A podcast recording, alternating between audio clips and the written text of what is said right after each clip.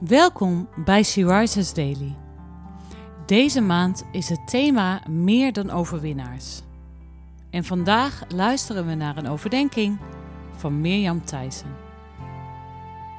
We lezen in de Bijbel Psalm 119, vers 11.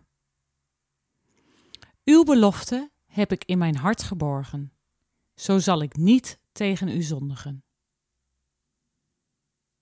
Wat een rijkdommen worden er toch in Psalm 119 beschreven.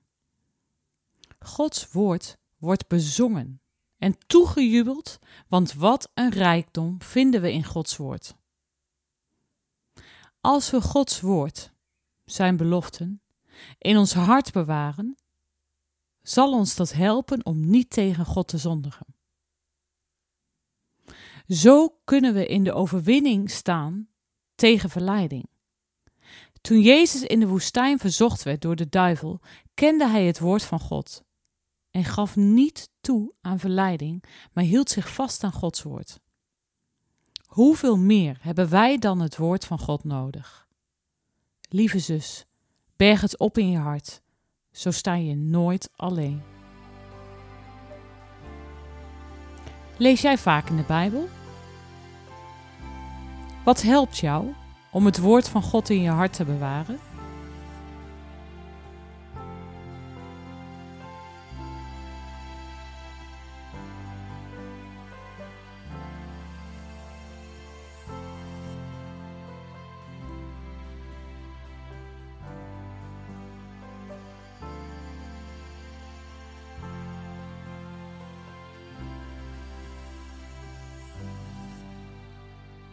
Laten we samen bidden.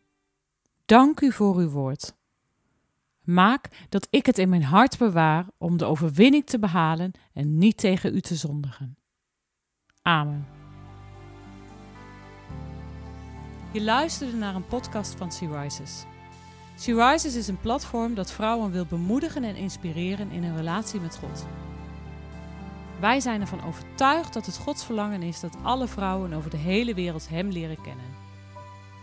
Kijk op www.she-rises.nl voor meer informatie.